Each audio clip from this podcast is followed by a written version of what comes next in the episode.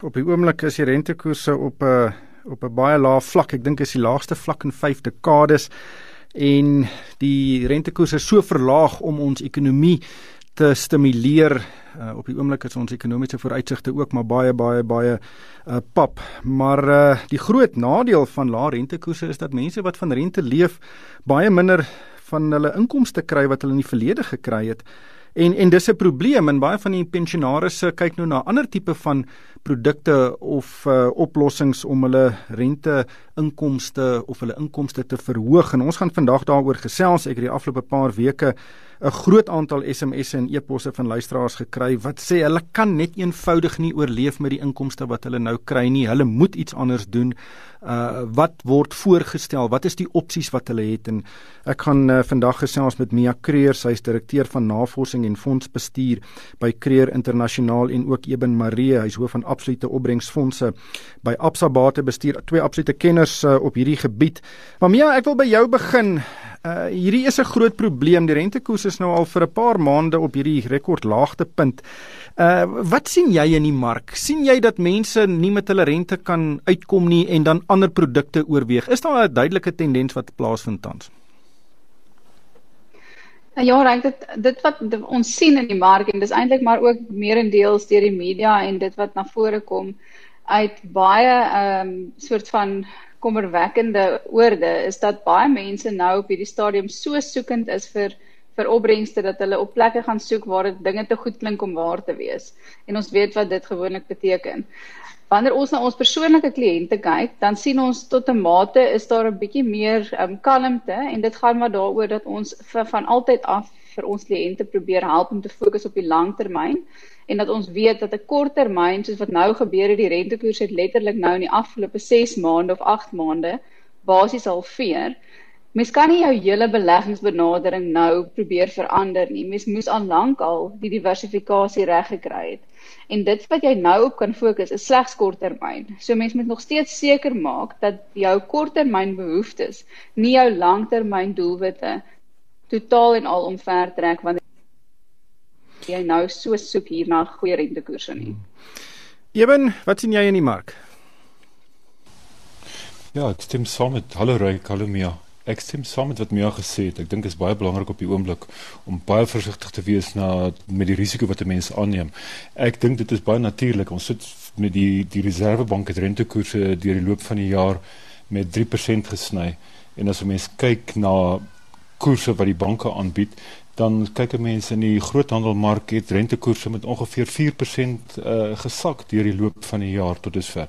Maar dit beteken nie dat daai uh dat 'n mens nou jou geld moet vat en hardloop na iets wat meer riskant toe is nie. Dit is dit is uh 'n baie groot probleem wat jy dan vir, vir jouself veroorsaak.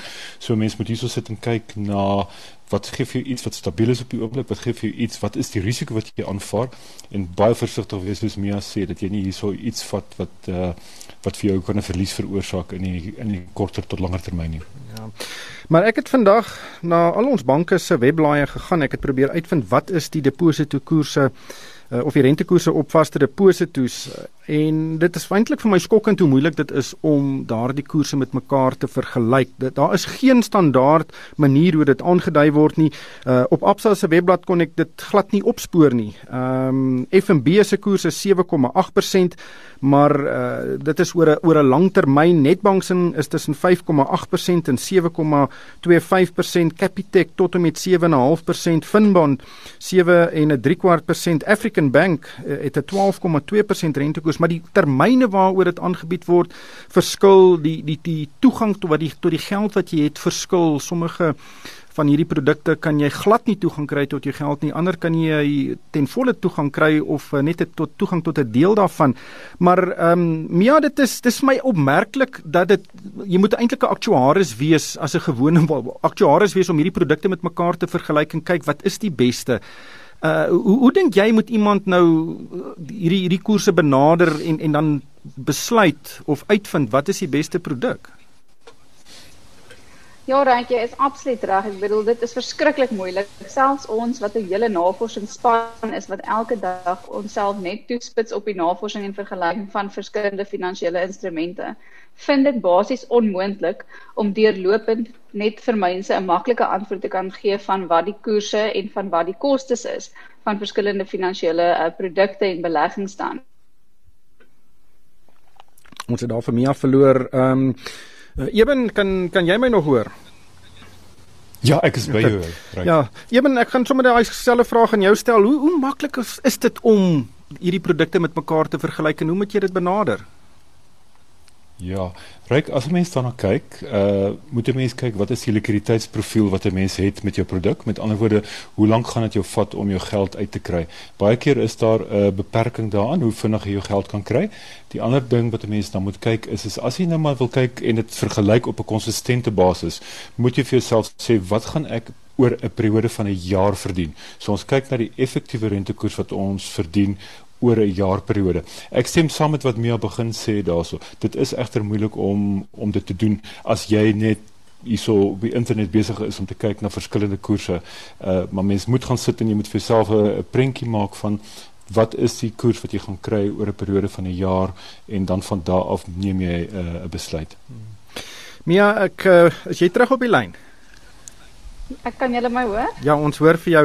Uh, maar Mia, kom ons kyk nou. Sien nou maar ek het nou 'n vaste deposito toe. Ek trek nou 3.5%. Uh ek kan nie daaroor daarmee oorleef nie. Wat is die opsies wat ek het? Wat kan ek met daai geld doen om so bietjie meer inkomste te kry? Ryk die die realiteit van die saak is dat 'n mens nie bloed uit 'n klip kan tap nie. So jy kan net dit kry wat die mark vir jou kan gee. En selfs al die finansiële instellings, wanneer ons kyk na die banke, selfs ouens wat vir jou termyn uh, koerse aanbied tot met 5 jaar, hulle moet ook iewers daardie opbrengste verdien en dis presies soos wat wat Ebe nou genoem het. As jy hoër opbrengs wil hê, beteken dit dat die finansiële instelling wat daardie hoër opbrengs vir jou beloof, gaan aan die agterkant gaan hulle risiko moet neem wat beteken uit die aard van die saak het jou belegging of jou geld dan 'n verdere risiko aangekoppel. So mense moet onthou dat wanneer ons nou kyk rentekoerse op 'n baie lae punt is. Ons voorsien nie dat hierdie rentekoerse uit die aard van die saak vir ewig so laag gaan bly nie, maar dit is moontlik dat dit vir baie lank so laag kan bly. Mense moet baie versigtig wees dat 'n mens nie hoë risiko neem as wat jy bereid is om te om te aanvaar en vir, vir wisselvalligheid nie. En dit beteken dat wanneer jy nou 2, 3 jaar kyk vorentoe en jy weet jy trek gewoonlik net die 3,4% waarna jy gewoond was of dalk 6 6.5% waarna jy gewoond was wat net die inkomste of die rentekoers op jou geld was en jy nie aan die kapitaal geraak het nie dan as daar byvoorbeeld risiko gekoppel is aan jou belegging en jy nou 'n hoër koers kan kry, beteken dit ook die die kapitaalwaarde kan beweeg en op en af beweeg. So sou daar 'n markregstelling kom van enige aard en enige bateklas, dan kan daar met ander woorde 'n kapitaaleverlies ook wees op die bedrag wat jy die rentekoers trek. So dis baie belangrik om eintlik maar net na die holistiese prentjie te kyk. In plaas van om slegs na die rentekoers te kyk en op die rentekoers te fokus, hou ons daarvan en moedig ons mense aan om na die totale opbrengs te kyk van die portefeulje en op so 'n basis die strukturering eerder reg te kry dat daar 'n goeie diversifikasie is oor verskeie bateklasse en om op daardie manier dan jou risiko te versprei, maar ook jou inkomste strome te versprei. En dit is in werklikheid die enigste manier hoe mens regtig waar 'n hoër opbrengskoers kan kry op jou geld. Ewen jou gedagtes en en, en watter tipe opbrengste kan 'n mens verwag op 'n uh, geldmark en 'n uh, inkomstefonds of 'n uh, 'n tipe van 'n kollektiewe beleggingsskema? Ryk, dankie. So as 'n mens kyk na 'n tipiese geldmarkfonds in die Suid-Afrikaanse mark, dan kyk jy na iets wat vir jou likwiditeit gee waar jy jou geld kan uittrek en tipies binne 'n dagperiode kan kry. Volgens wet is daai fondse word hulle belê in uh instrumente wat likwid is en wat uh, baie hoë kredietkwaliteit het en uh hulle kan ook nie 'n langtermyn uh siening in daardie fondse neem wat rentekoerse uh, risiko dra nie. So tipies daar op die oomblik kry mense rentekoers van die orde van so 4.5% en dit natuurlik hang dit nou af van wat die koste struktuur ook is so dit kan be, dit kan minder as dit wees. Dan kan 'n mens kyk na 'n uh, inkomstefondse wat 'n bietjie meer risiko vat as 'n tipiese geldmarkfonds. So die manier wat hulle risiko vat is hulle kan 'n klein bietjie meer kredietrisiko vat en hulle kan 'n klein bietjie langer termyn rentekoersrisiko vat. En daar kan 'n mens dan kyk na iets wat vir jou dalk van die orde van 'n half persent of so meer rente uh, gee. Aan die lang einde van die spektrum kry mense so sogenaamde uh staatseffek fondse.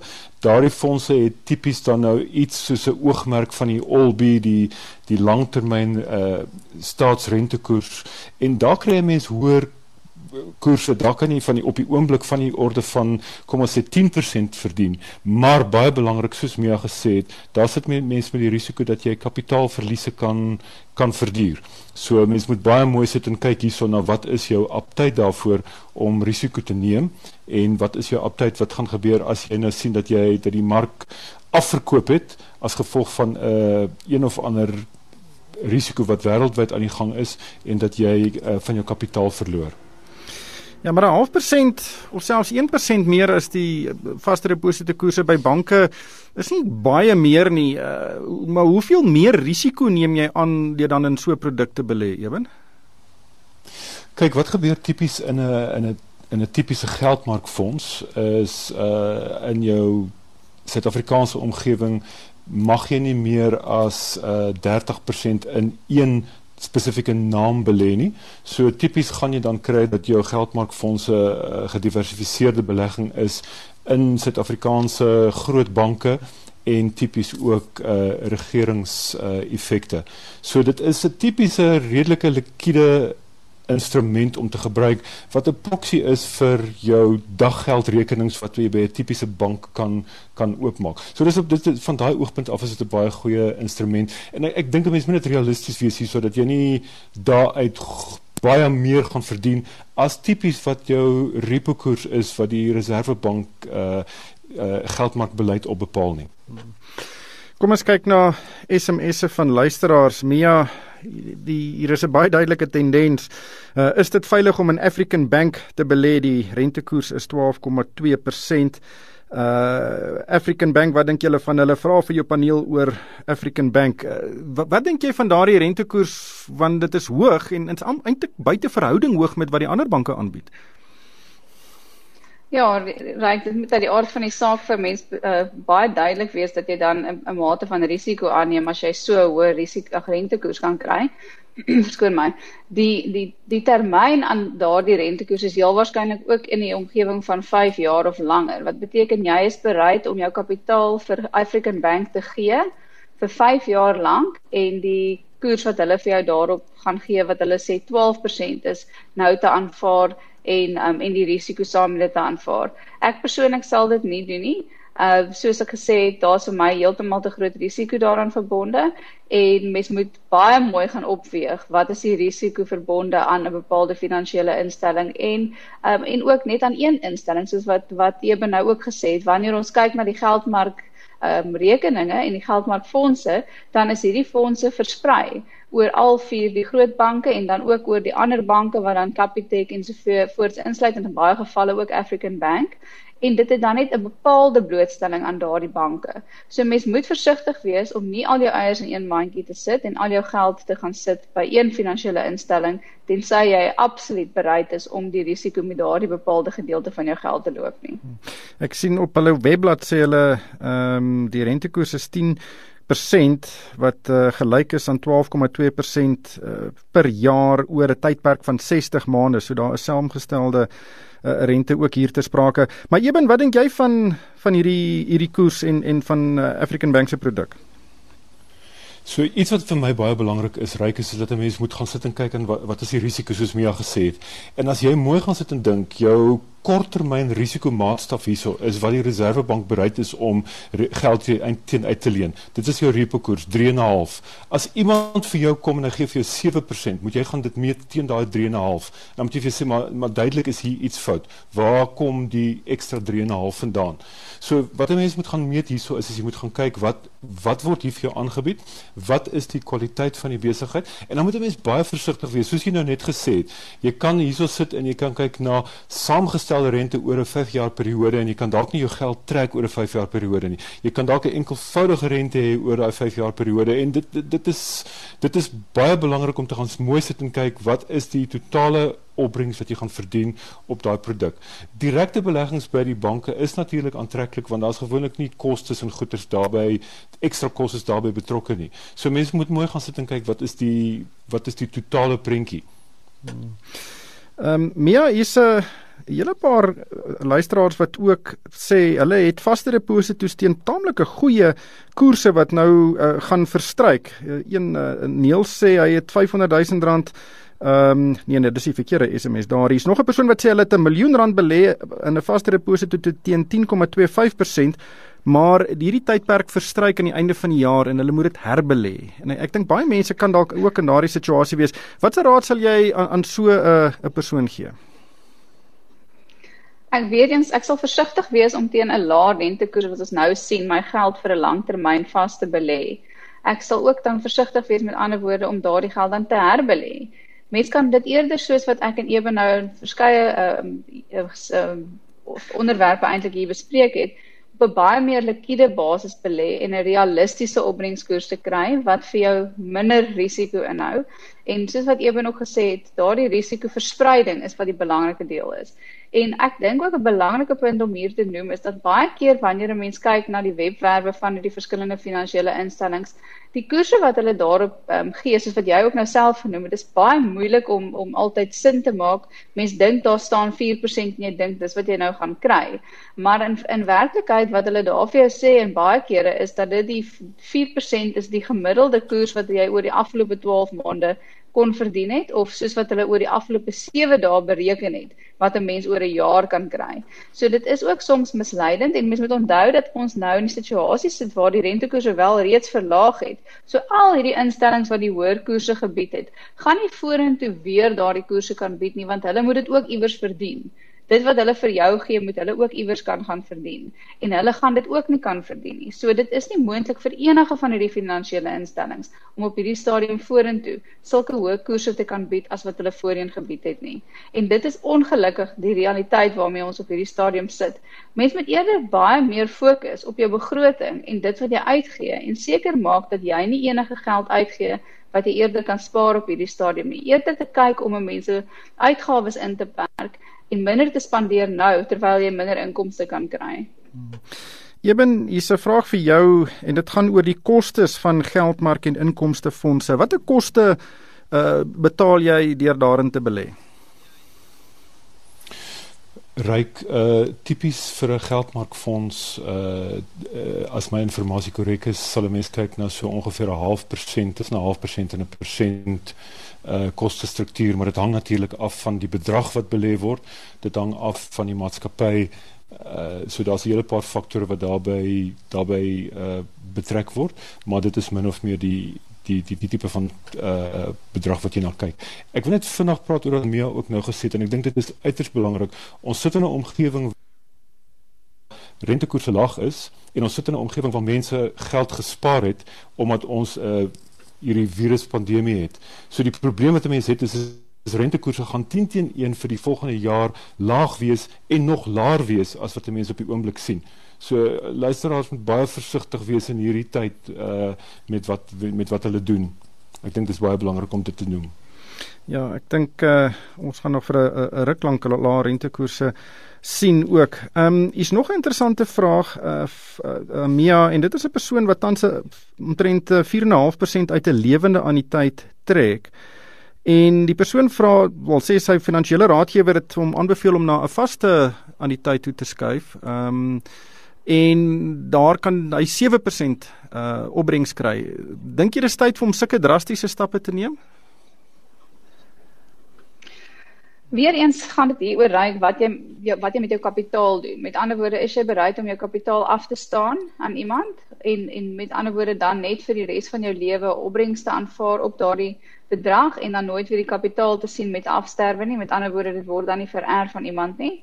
Jy kry dan net 'n inkomste tot en met dood of wil jy eerder likwide kapitaal behou en dan die opbrengs wat realisties is wat in die mark vir jou kan gee tans daarop trek? Nou ek persoonlik sal verkies om die kapitaal te hou. Mens moet onthou dat so 'n uh, so as 'n mens se lewens aan die tyd dan gaan koop waar jy dan 'n vaste koers kry, dan ver, verbeere mens jou kapitaal met met afsterwe. So mens gee met ander woorde is jy besig om jou risiko en jou kapitaal saam met 'n klomp ander mense soos jy te gee aan die aan die um, aan die finansiële instelling wat dan eintlik maar versekeringshuis is en hulle gebruik dit dan as die gemiddeld van die versekering. Met ander woorde, party mense sterf vroeër, party mense sterf later en op daardie wyse kan hulle dan daardie tipe koerse betaal.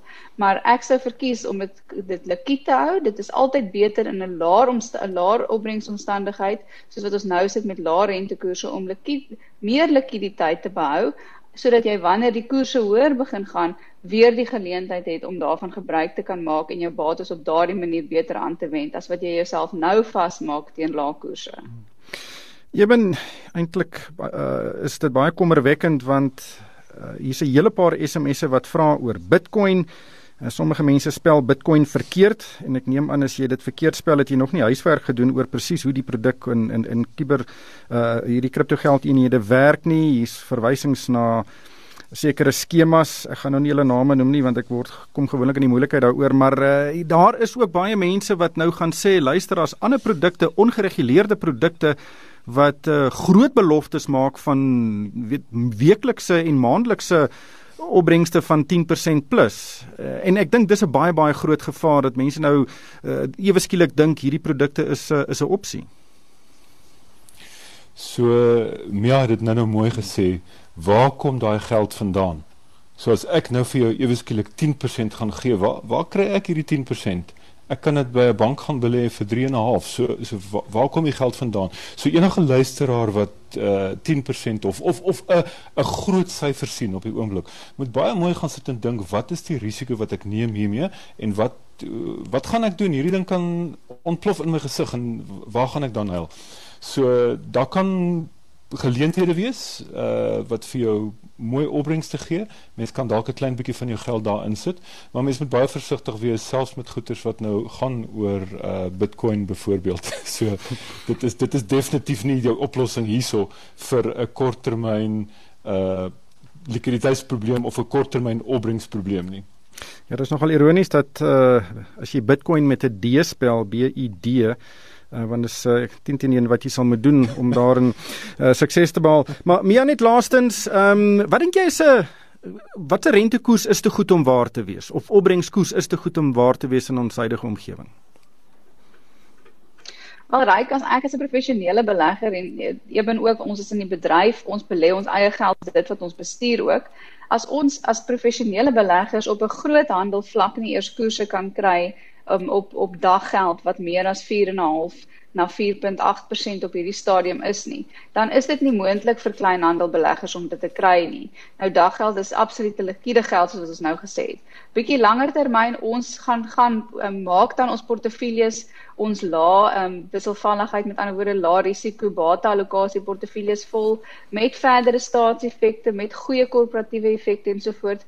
En op daardie geld wat dan uit die aard van die saak risiko inhou want jy leen in werklikheid jou geld vir die Suid-Afrikaanse staat of vir 'n besigheid om hulle besigheid te bedryf. Dis dis wat effekte is of korporatiewe effekte en staatseffekte dan kan 'n mens 'n heelwat hoër opbrengskoers kry van hier by die 10% soos wat Eben gesê het. Maar mens moet die kombinasie van daardie produkte kyk. So ek sou sê as ek 'n individu is en ek wil na 'n bank toe gaan en my geld in 'n geldmark rekening sit, dan sal jy nie vandag meer as 4.5% kan kry ongelukkig nie. So enige iets wat meer as dit is, moet jy besef, is jy besig om 'n mate van risiko aan te neem. Ja, en dit is uh tussen 4 en 10% uh, per jaar, uh nie per week of per maand nie. Daar's nog 'n baie groot verskil. Maar ongelukkig uh, sal ons hier met haltroep. Baie dankie aan Mia Kreer, sy is direkteur van navorsing en fondsbestuur by Kreer Internasionaal en ook Eben Maree, hy's hoof van absolute opbrengsfondse by Absa Batebestuur. Luisteraars is welkom om vir my 'n e-pos te stuur. My e-posadres is ryk@moneyweb.co.za. En daarmee moet ons groet van my ryk van die kerk en die Moneyweb span. Dankie vir die saamluister.